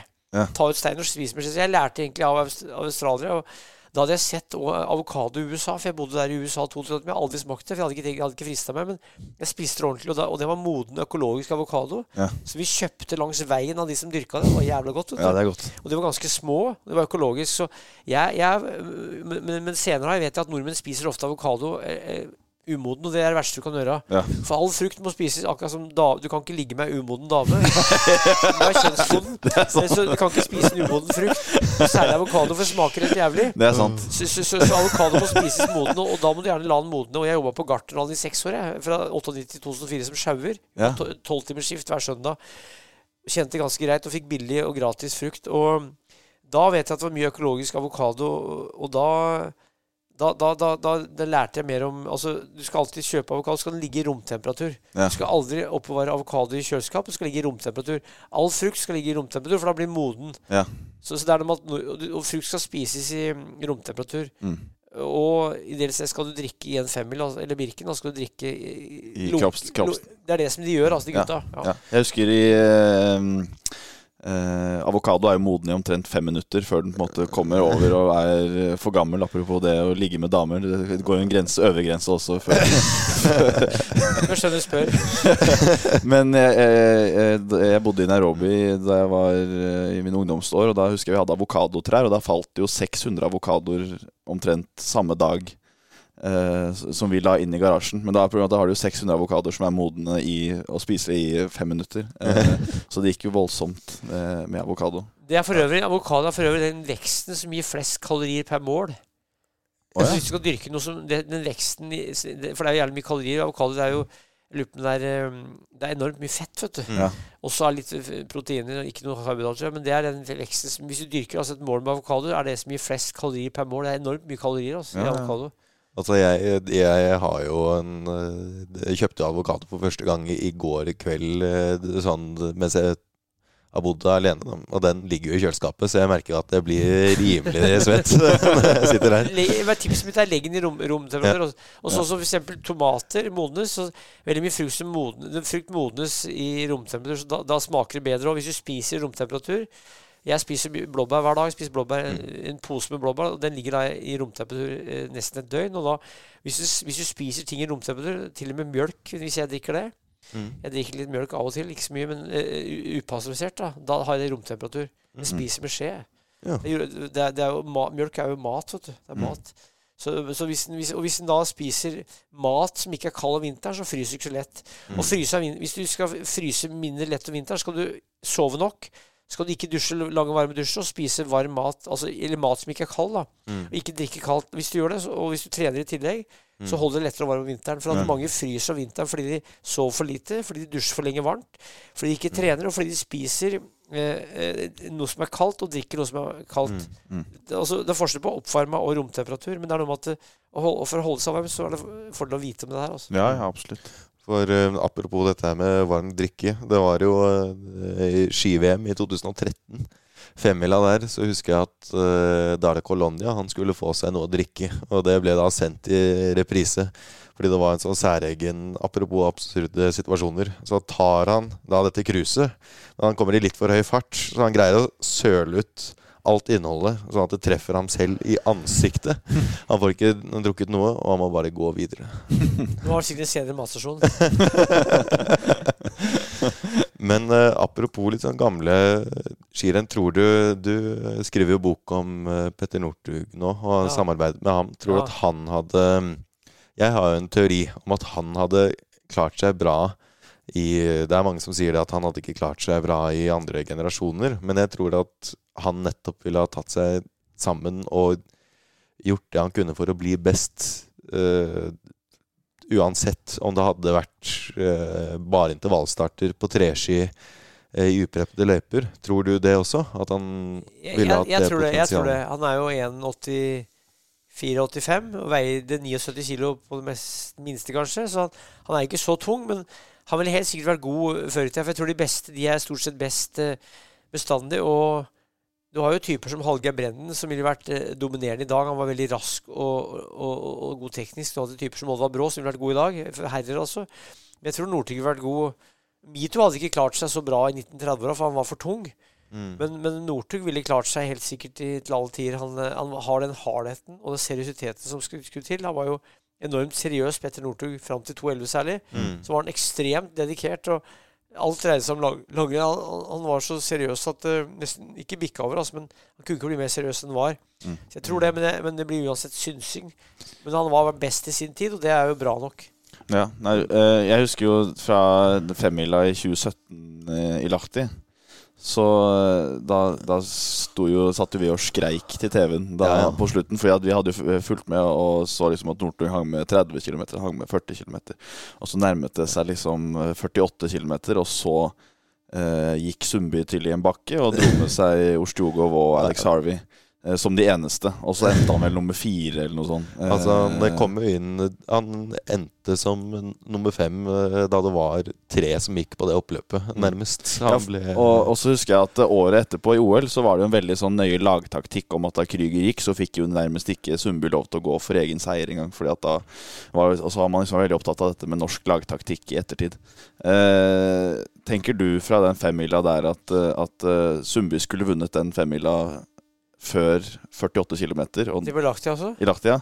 Og da han kom til 48, så skulle han innsett at nå har vi et felt. Her er det én nordmann som kan eh, vinne, og i Jeg, hvert jeg, fall tror ikke jeg tror ikke Sundby han hadde, altså Sundby hadde ikke noe verdensmester. Han ble verdensmester litt senere. Mm. Jeg tror ikke han kunne tenke sånn da. Ja, så, men men mm. det er lett å si i ettertid. Det var jo Harvey som vant. Han ble for desperat Ja. etter egen Nei, Jeg husker jeg satt og så på jeg og tenkte det var veldig raskt før da, tror jeg. Så Mm, det skilte veldig lite. Og da det ga jo Petter en, en fordel, for han var jo Mm. ikke så bra trent da. Nei. Nei. Uh, så nei, det i hvert fall, Jeg syns det var morsomt at Harvey vant. Ja, for at eh, Mm. Ja. så, lenge Nord, så lenge Sundby Mm. senere har tatt et annet gull, så syns jeg det var fint at Harvey vant. For da fikk jo han en eh, Mm. Canada fikk en verdensmester. eh, individuelt. Ja, det er jo ikke så Nei. det er, det er ganske spesielt. Så, Mm. så, så, så Sundby han, eh, han, han holdt jo på og fikk det gullet sitt i 2019, og da var vel han fornøyd med det. Ja. Han, han, Mm. han var en type som har vært veldig god lenge, som Mm. ikke kanskje har fått så store så uttelling internasjonalt i mesterskap, for han ikke var så god i spurt. Han var jo en kapasitetsløper, ikke Ja. en spurter.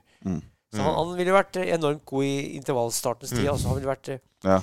brutalt god. Han, er ganske liten, ut, så han ville passe heller bra i egentlig 1930 og 1950. Og Mm. Han er vel kanskje Jeg vet ikke om han veier et par og 70 kilo, men han er, er ikke noe særlig med enn 1,74, tror jeg. Nei, han er ikke så høy. Nei, og, og, Men veldig kompakt i kroppen. Altså En Ja. slags urkraft fra byen. Sånn Ja. jævlig harding. Ja, ja, veldig. han, han, han, jeg husker jeg møtte opp i skogen første gang. Da var han rundt 19-20 år og så hvor fort han gikk, og og bra han gikk. Klassisk. Mm. Han, han, han var en um, veldig gjennomtrent skiløper og ser mer ut som folk som har jobba med kroppen. For han, han er så, ser så gjennomtrent ut at det, det, må jo skyldes trening. Men det er klart at folk som ikke er så lange, de har gjerne kanskje mer anlegg for å bli mer tett i kroppen. Muskeltett i kroppen. Altså. Ja. Han var veldig muskeltett. Altså, sånn, som, sånn som kanskje folk var på 30-tallet og hadde jobba i tillegg til at de trente. Så Ja. ble de muskeltett av å jobbe, men han har blitt av å trene. Jeg ville tro at han tapte veldig mye på nettopp det som du sa om Gjermund Eggen. Siden Sundby var så opptatt av det at han skulle vinne alt mulig. Og han skulle Og den måten han skulle vinne på, var så utrolig kraftutsugende. Eh, Der hvor Northug eh, vant nettopp på det å eh, slappe litt av, og heller bruke krefter når krefter bør brukes. Ja, Da var jo Sundby han som skulle dra på feltet hele tiden, og Ja. det tror Og jeg det tror jeg eh, satte en stopper for ham i det moderne i det moderne langrennssirkuset. Men samtidig brukte han det, det våpenet han hadde, var å gå fra det andre. Så det at han gjorde det, gjorde Mm. at sporten fikk et slags løft, eller ble gått på en annen måte. mm. Og han var jo så sterk, og ble jo så sterk eh, av å gå sånn. For at når han gikk sånn i renn, så ble han jo sterkere. Det var en måte å trene seg opp til å bli hardere på, både i huet og i kroppen. Så Mm. han eh, har gått veldig mange gode skirenn i feltstart og vist hvor Mm. god han var. Ja, ja. Men det tenker jeg er en ting som er sånn overvurdert. Eh, det snakkes mye om, er liksom dette at Northug har, han har eh, ligget og hengt bak og blitt dratt gjennom løpet. Men eh, hvis du ser vekk fra utfor og på flater eller med motvind, eller hvis det er mye snø i sporet, så er det ikke sånn Det er ikke dritlett å Nei, nei. henge med opp en bakke. Altså, det er ikke sånn at det er en lettere tur opp en bakke bak rumpa på han som går foran deg, nødvendigvis. Det kan være litt mentalt òg, for at eh, noen løpere er, har mer eh, har lettere for å gå fort på ski hvis de henger på noen, mens andre syns det er vondt. Mm. Mm. Sjøl syns jeg det er best å gå først. Jeg liker best å gå først, men Mm. folk er forskjellige, og hvis du blir pakka inn i et felt, så kan det ha litt å si. Det, det har litt å si, men, men folk er forskjellige, og noen liker å gå først og dra, og da drar de kanskje. Så det er ikke det at de prøver å gå fram, men de liker best å gå, for da har de Mm. mer kontroll på teknikken og rytmen. Mens du går bak noe, så må du tilpasse deg rytmen. Det er litt forskjellig klassisk og fristil òg. Mm.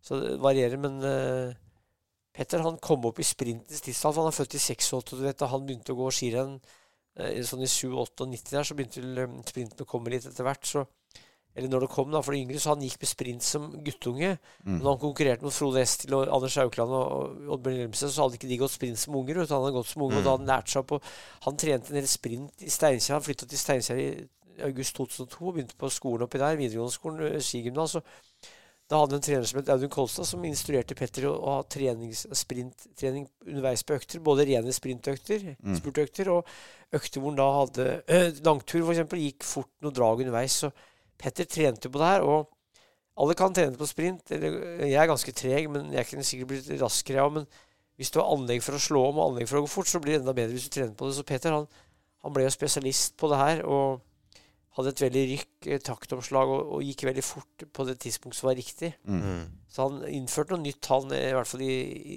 hvert fall i klassisk langrenn, distanselangrenn, hvor han fikk en, en overraskelsesmoment. Og, og når han gikk i spurten sin, tenker jeg, så var han sånn som vi er hvis vi får en tiger i ræva. Altså, vi løper fortere enn vi klarer, egentlig. Ja. Det gjorde Northug, tror jeg, på de spurtene. Han gikk, for- altså, Selv om han var dødsliten, så gikk han fortere enn fortere enn klarte, for han klarte å mobilisere. Eh, om du går deg i senk, så har du fortsatt en god del prosent igjen altså, før Ja. du dør. Mm. Ja, Det tror jeg han klarte å mobilisere de siste restene der. Og Mm. Han tok jo i, i, i Sapporo i 07, så fikk han jo et fall i, før innspurten der. Mm. Og da datt han jo, det, det irriterte seg, og det brukte han som drivstoff for å, for å, for å så senere Mm. gå fort, altså. Ja, det smalt det på den stafetten. Da gikk det unna. Ja. Og det er ikke sikkert at han kunne gått så fort på den stafetten om han ikke hadde hatt all den uh, motivasjonen som han fikk da nei. etter å ha blitt uh, uh, kastet ut av ett OL. I 2006, ja. Ja, Eller ikke og- tatt med, ja. Ja, Ja. og falt på en Og på sprintstafetten falt lagkameraten. Men um, ja, det har vært uh, fantastisk å prate her. Nå tenkte jeg at uh, om du ikke har pratet nok nå, uh, Tor, så skal vi videre til å prate enda mer. Nemlig På ville veier. Eh, Vår spalte hvor vi snakker om uh, livet vårt, hvor vi har vært på ville veier. Um, du har jo nevnt eh, noe her, altså avokadospising i Australia. Og, men er det noen spesielle historier som du En historie eller flere historier som kommer opp?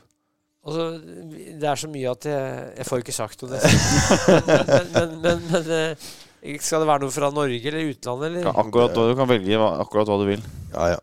en episode eller noe jeg har gjort? For eh, Et eller annet sprøtt, morsomt, artig ja, Jeg, kanskje noe du ikke har fortalt om før. Om det er noe du ikke har fortalt om jeg før. masse jeg ikke har fortalt om før. Jeg kan tenke, Hvis det er noe fra hiking Jeg har vel eh, Jeg har vel, eh, har vel hatt eh, det Jeg har jo vært gjest hos Wolfgang og, og prata mye om hiking, men det er mye jeg ikke har prata om der. Altså, og det er noe av det som jeg ikke kan prate om òg, men eh, jeg sitter og filtrerer opp hjernen nå.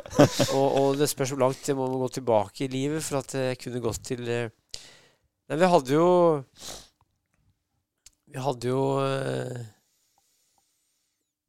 Nei, jeg må bare, bare tenke litt. Altså, ta så, ta så, ta så Skal vi eh, Hadde ikke du en en quiz til oss? eh, Jeg kan Nikolai? Da kan vi jo masse å si, skjønner du. Bare gi, gi meg litt Du skal få eh, vi Jeg kan, kan- ta forberede quiz, jeg, imens. Da er det litt hjernetrim mens vi venter her, Tor. Ja. Nå er Fordi jeg at spent. eh, dette er jo en eh, quiz i, i eh, VM-historie. Langrenn. Der hvor det er eh, Jeg kommer til å si en distanse Ja. og et år. ja. Og så er det ett poeng for å gjette riktig land. Eller st- sted, da. To poeng for å gjette pallen. Og så er det tre poeng Land. Sted. sted, ja, eh, sted. Og så er det tre poeng for å uh, Nei, land, er, land og sted er samme. Og så er det ehm, to poeng for å gjette pallen, og så er det tre poeng hvis man husker tidene også. Ja, det, det her er, jeg kan, jeg kan, mye, jeg, det her kan ikke, altså, men jeg kan være med på det. Jeg kan, kan, Så de som eh, hører på, kan bare ta fram penn og papir og skrive ned, og så tar vi jeg har, sånne ting kan ikke jeg, men vi kan ta det allikevel. Ok, vi begynner. Eh, 15 km VM82. 38, og skal ikke si det høyt, nei. Ikke si det høyt. Så bare skriv det ned på arket. Altså, hvem som vant, eller? Eh, Først, først sted, og så eh, pallen, hvis du husker det. Og så tider, hvis du husker det. Ja. Eh.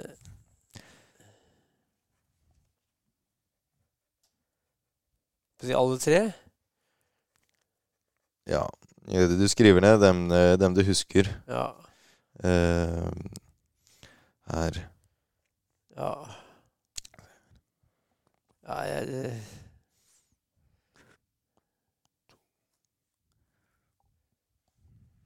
Ja. Og så er det neste Det er fire spørsmål totalt her. ja. Det var Kan ikke skrive så fint det her. Det Nei, nei, skrives bare fort. skriv så fort du kan. Neste er 30 km i 74. Der, ja. Bare vent litt. Herregud. Dette her eh, går eh, Sa jo svar i stad. Ja, Så hvis, det. hvis noen av de som har hørt på, har vært, eh, er årvåkne nå, så Jeg sa jo det til eh, Nikolai, at du skal uh, være forberedt på å søke opp nye ski-VM her, siden her tror jeg Tor kommer til å nevne alle sammen. Men uh, skal vi se her uh,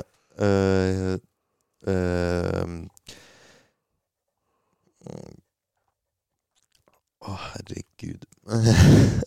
er du klar for tredje? Uh, jeg, har, ikke- jeg har ikke skrevet uh, nummer to engang, så vi får ta litt uh, ekstra Litt ekstra tid får vi beregne her. Så får, eh, får du ta en Ta en trall mens vi skriver ned der. Da Nicolai. tror jeg eh, Vi mister lyttere. Da tror jeg, da tror jeg det er lydbordet jeg streker.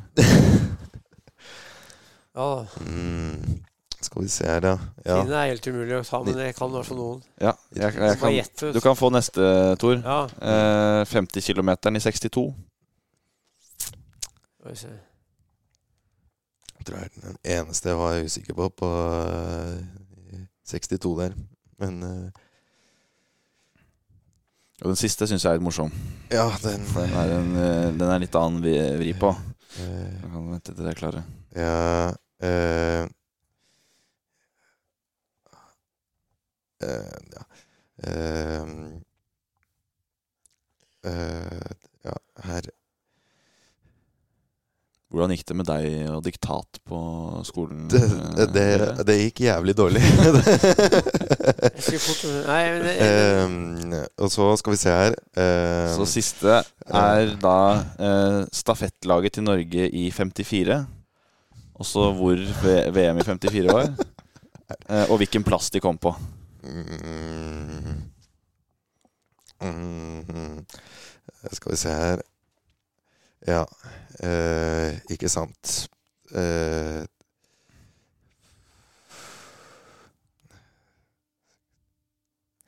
eh, ja.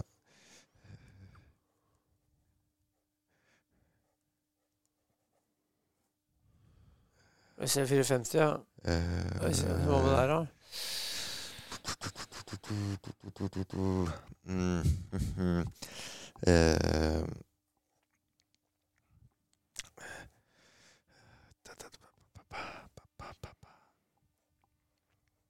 Norsklærerne mine kommer til å vri seg i håret om de hører på dette her. Her, Ja.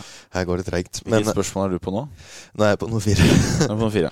Så det er Stafettlag- 54. Sta- Ja, 54. Stafettlag til Norge. Eh, hvor VM var, selvfølgelig. Og hvilken plass. Ja. Eh, eh, eh, skal vi se her pa, pa, pa. Oi, oi, oi. Nå Faen Faen meg mulig, Nikolai. At det har kommet av min akilleshæl her. Eh, hadde vært etter 1982, så kunne jeg gitt deg svarene her på, på rams, men nå, nå, nå, nå sliter jeg her. Det er en del av gleden med å være quizmaster. At du eh, ikke trenger å stå til ansvar for å svare på de spørsmålene selv. Er gi alt faenskap. Jeg liker jo ikke quiz, for jeg driver med quiz hele dagen. Jeg skriver bøker. Ja. Egentlig Jobben min er å, skrive, finne ut av Så jeg, jeg liker Jeg, jeg deltar alltid i quizer, men jeg, jeg, er med her nå. Mm, Det er veldig, veldig eh, godt å ha med eh, en sånn special edition av quiz med deg, Tor. Når du greier å få quiz som er Hvis du får en quiz som er for nisje for Tor Gottaas, da, da bør du lage Da bør du aldri lage quiz. Um, uh, uh, uh, nå Dette her er utrolig lite eh, radiofaglig sterkt her, det jeg holder på med. Men eh, da gir vi publikum litt tid på, på å skrive også. Bare for å gjenta for publikum en gang mens du skriver hva vi har gått gjennom. 15 km i 82. Mm. Da er det sted, pall og tider. 30 km i 74. Da er det pall, sted og tider. Og så er det 50 km i 62. Da er det eh, sted, pall og tider. Og så er det stafettlaget til Norge i 54, eh, hvor VM var, og hvilken plass de kom på. Er det, dere skal få lov til å svare på eh, annethvert eh, spørsmål, og så eh, Altså vi, vi vil gå gjennom. Eh, ja. Vil du begynne, Ville, med 82? Um, ja. Um, det er um, i Oslo, i Holmenkollen. Riktig.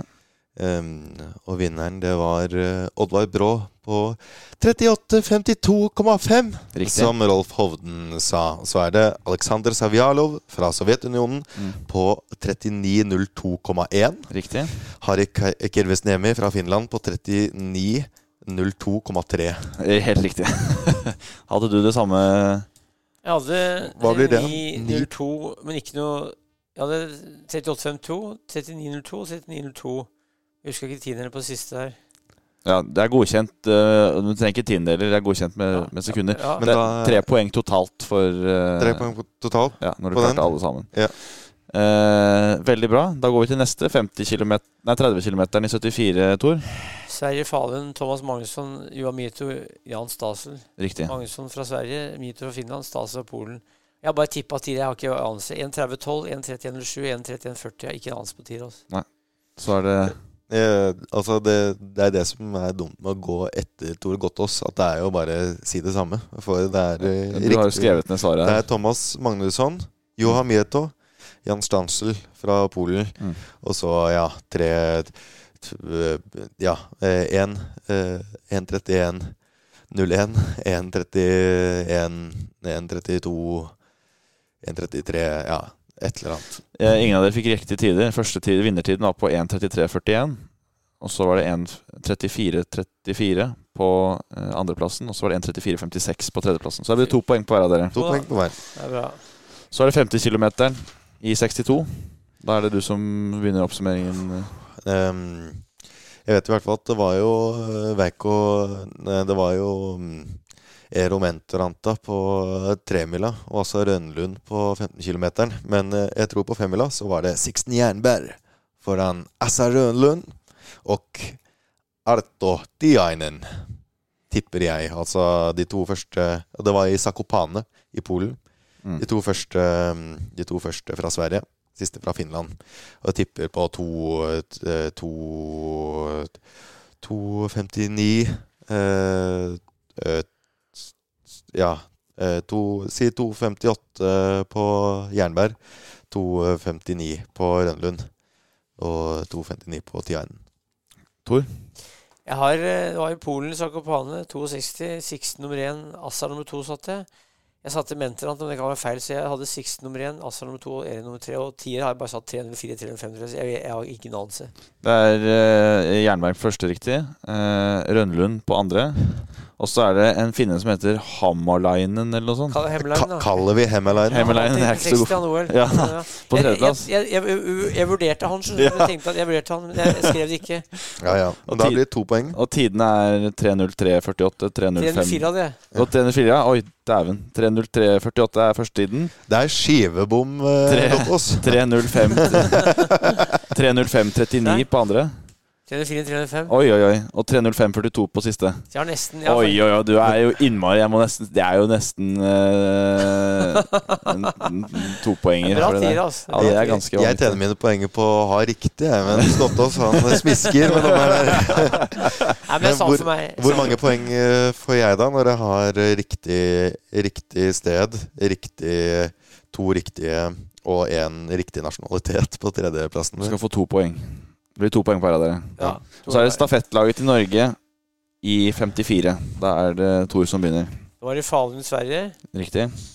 Der har jeg jeg har, jeg har vel én eller to feil på stafetten. Jeg har Hallgeir Brenden, Håkon Brusveen, Edvin Lanse, Martin Stokken. Og du også, Og så Nei, det, er feil, det er ikke riktig, altså, men det er- én feil eller to feil. hvilken plass var det de kom på? Tipper nummer fire. Ja. Mm. Det var jo øh, Ja, det er Falun 1954. Det er en av få hvor jeg ikke eh, Ja. eh, jeg tippet i hvert fall Martin Stokken, Mm. Oddmund Jensen, Håkon Brusveen og Hallgeir Brenden Oddmund var ikke med der. på, på fjerdeplass. Ja, men det er det eneste navnet jeg kom på. var ikke med. Det var eh, Håkon Brusveen, Odd Lykkja, Ja, Dalgutten. Martin Stokken og Hallgeir Brenden. Da er det Og fjerdeplass. Ja. ja, ja. Så eh, det Dårligste var norske plassering på en VM-stafett. vanvittig imponerende fra begge to. Hva fikk jeg da? Uh, du fikk jo uh, Jeg, jeg syns jo at når det er flertall i antall uh, som gikk, så er det jo uh, verdig, så det er jo tre poeng. Du hadde vel bare to, to av dem? Nei, han hadde Brusveen, Stokken og Brenden, og så hadde han Brusveen, Stokken og Brenden. Ja. Eh, og det er ikke, det er ikke rekkefølgen? eh. Nei, rekkefølgen er Nei. ikke Da blir det Er det tre poeng på hver? To? Tre poeng på hver, da. Ja. Ja. Fikk jo likt, da. Det endte likt. Ja. Fikk Men da- begge ti poeng, da. Da, da, har jeg fått, da har jeg fått da uh, fem Ti poeng hver. Ja, ti poeng. Da er, det, da er det til slutt eh, historien din som avgjør dette, her, Tor. Eh, ville veier-historien din. Det er jo urettferdig, da. Kan ikke jeg stå Nei, nei, Nei, jeg histori- historien skal den avgjøre hvis jeg forteller en historie, er det det? Ja, altså, ja. Er, eh, Ja, en historie som jeg opplevde i utlandet. det, det er hvor som helst. De, de gode historiene vet du, kan, jeg ikke, kan, jeg ikke, kan jeg ikke ta eh, på radioen eller på podkast. Men, men jeg hadde jo eh, Jeg kan fortelle om en historie en gang jeg haika. Og det har vi, Jeg tror ikke jeg har fortalt om det, men, men eh, jeg haika ned i Haika ned i Mellom Melbourne og Adelaide. mm. 1985. Mm. Sammen med ei dame som het Patricia O'Connor fra Mm. Irland. Mm. Ett grønt og et blått tøy. Og så hadde vi overnatta ute. Det var jævlig kaldt. Vi hadde ikke noe sovepose. Hadde ikke langbukse. Og hun var jævlig kald. Jeg ble jævlig kald, men hun hadde mensen. Det hadde hun hele tida. så så jeg, jeg måtte gi henne klær, klærne mine. Og hun hadde en blå pysjamas, en lang bukse og blå eh, overdel. Jævlig fin overdel. De hadde kjøpt den pysjamasen på et loppemarked i Syden for én dollar. Fem kroner. Og jeg hadde kortbukse. Jeg hadde en blå østtysk kortbukse kjøpt på et loppemarked i London året før. For ett pund. Og så hadde jeg en, en rosa overdel som tilhørte hun, som jeg brukte fordi da så ut som det var to damer som haika. Men så haika vi, og så, og så var vi mellom Adelaide og Vi skulle til Adelaide og kom fra Melbourne. Og vi hadde tenkt å haike ned til Adelaide, for der skulle hun søke om jobb, for hun var arbeidsledig. Og så sto vi ute i bushen der, og det var forferdelig regnvær. Det var, det var en- bare en to-tre varmegrader. Det var en grå dag, det kom uvær, og det kom en bil, en pickup. Den stoppa, og vi fikk sitte på, og det var en birøkter.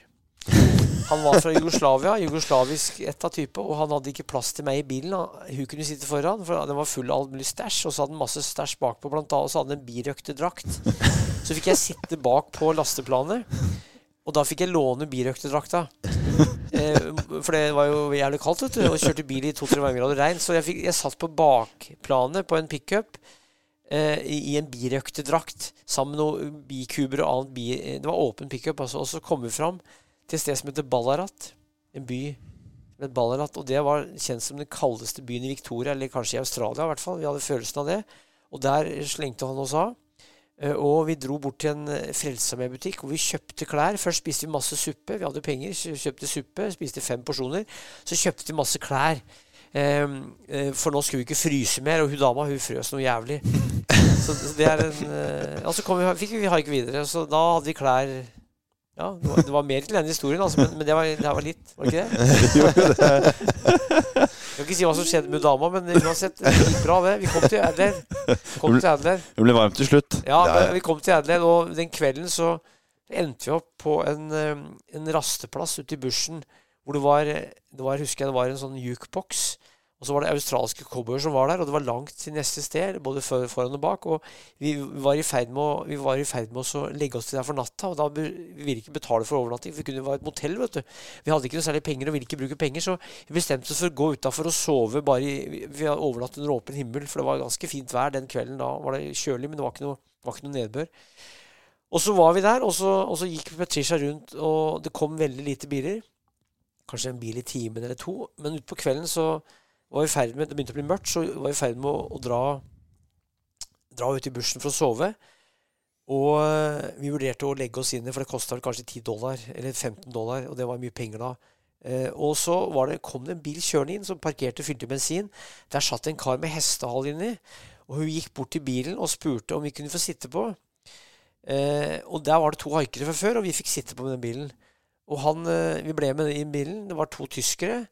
Eh, og da satt vi bak, og da mm, tok de opp jointen, for de røykte jo pott. Og jeg gjorde ikke det, men jeg sendte videre. Det satt fem stykker i bilen, og jointen gikk rundt. Og det, det var natt, vet du. Det var natt, og så, og så Da drev Vegvesenet og jobba, så kom vi bort, og så Vegvesenet stoppa oss. Og så, og så rulla han ned vinduet, og så sa han typen i Vegvesenet 'Smells good', sa han. Kan i Vegvesenet noen drag av jointen? Nei, han og kjørte videre. Det var, det var den kvelden der. Og så kjørte vi og hørte på musikk hele natta. Det var jævlig moro. Han typen han bodde i bilen. Han hadde en schæfer bak der. Det var en schæfer i bilen òg. Vi kjørte bilen og husker vi kom inn til Adelaide om morgenen. Det var jævlig fint. altså. Og da, og da hadde de folka røkt pott og, og var steina. Og jeg hadde stikket hudet av vinduet for ikke å bli det. Eh, Og, og så de sov, og han og jeg var våken foran i bilen. Kom inn til Adelaide. Da tok vi på i ungdomsberget, jeg og Patricia, og det var jævlig moro. Og da traff jeg en kar som vi senere haika med opp til eh, Alice Springs. Hvordan tjente dere penger på eh, rundt i Australia? Jeg hadde masse penger. Jeg hadde jobba Ikke masse, jeg hadde jobba fire jobber sommeren før. Jeg hadde jobba på en fabrikk som het Stabburet. Jeg hadde plukka multer i helgene, så hadde jeg gått med avisa. Jeg sto klokka fire om morgenen, gikk med avisa. Sykla med avisa, jobba på Stabburet, og så jobba jeg litt med snekring på kvelden. Så jeg hadde fire jobber. Jobba 80-90 timer i uka den sommeren etter jeg var russ. Og så hadde jeg spart opp. Så jeg hadde spart opp. Hun gikk på trygd, hun dama, for det var mange australske som gikk på trygd. Så jeg hadde spart opp hadde kredittkort. Så jeg hadde penger. Jeg jobba underveis, men jobba mest for, bare for mat og losji. Men hun gikk på trygd mange i Australia, og da, da måtte hun reise rundt og være hvert, ei uke på hvert sted. Så når hun kom til Adelaide, så registrerte hun seg som arbeidsledig. Og da var det altså da lapper på en vegg. Det var, det var datasystem, men det var ikke data for å få jobb. Så hun gikk og plukka ned lapper for forskjellige jobber. Og her er det ikke noe jobber, sa jeg, for hun ville ikke jobbe. vet du. Var ferdig med å studere, studert biologi. Så her er ikke noe jobber, jeg kan ikke jobbe her. Men da måtte hun være der en uke for å få trygd. Da bodde vi på YHA, og da trente jeg og boksa og løfta vekter. Og Å, ja. møtte, ja, jeg drev og trente. Det var jævlig fint å trene. vet du. Ja, ja. Da var jeg 19 år øh, og var i god form. Jeg er det ennå, altså, men da var jeg jævlig Husker jeg trente, løp i en park. Jævlig, det er jævlig fin by. Altså. Jeg det var ute hver eneste kveld på konserter og levende musikk. Og det var helt fett. Det var i april 1985 i Adelaide, Australia. Fantastisk. Tror, Southern Australia. Jævlig fint, altså. tror, du det, er- tror du det er mulig å, å reise sånn eh, i dag? Det er mulig. altså I, i dag så har vi jo mobiltelefon og internett, eh, og det er ikke noe gærent i det. Eh, da blir det en litt annen opplevelse, men, eh, men eh, de som Det går an å reise uten både mobil og internett i dag, men det er vanskelig, for du må bestille ting. Så, så, så eh, jeg tenker at du kan gjøre det hvis du vil, men da må det være hardcore hvis du ikke skal ha med mobil. Og, og jeg, jeg var jo i Australia i høst, og så virka ikke, så virka ikke, virka ikke nettet. Altså, E-posten virka ikke. Nei. Den ble stengt ned for jeg gikk til helvete fordi jeg var i Australia. Så jeg hadde ikke mobiltelefon. Nei. Så jeg reiste rundt i Australia i høst i november uten å ha e-post. og uten å ha mobiltelefon. Det er hardcore, men, men det var jo ufrivillig, for jeg ville gjerne hatt e-post. Men, men da bodde jeg litt privat. Men, jeg, men jeg, jeg bestilte jo ikke noe overnatting, så jeg dro bare rundt jeg, og, vi, og spurte på gamlemåten. Men det er det ikke mange som gjør i dag. altså. Nei, nei. Reiser rundt uten og også, også, Men der, der finnes det telefonbokser i Australia, faktisk. Og der kan du ringe gratis innenlands. Men, men, eh, men eh, Og jeg gjorde det et par ganger, men jeg fikk ikke noe svar til jeg ringte til. For jeg ringte til folk jeg kjente i Australia, men de svarte ikke uansett. Men, men, men, men Så jeg, jeg har faktisk gjort det. Altså det, det var spesielt. Det Men jeg var der bare bare i 16 dager. Men, eh, men, men det er noe med Du vet, før, før internett så tenkte ikke folk at ikke internett fantes. Nei. Før mobiltelefon så tenkte ikke folk at mobiltelefon ikke fantes, for det var ikke noe issue. Så, og da Mhm. var det bare sånn det var.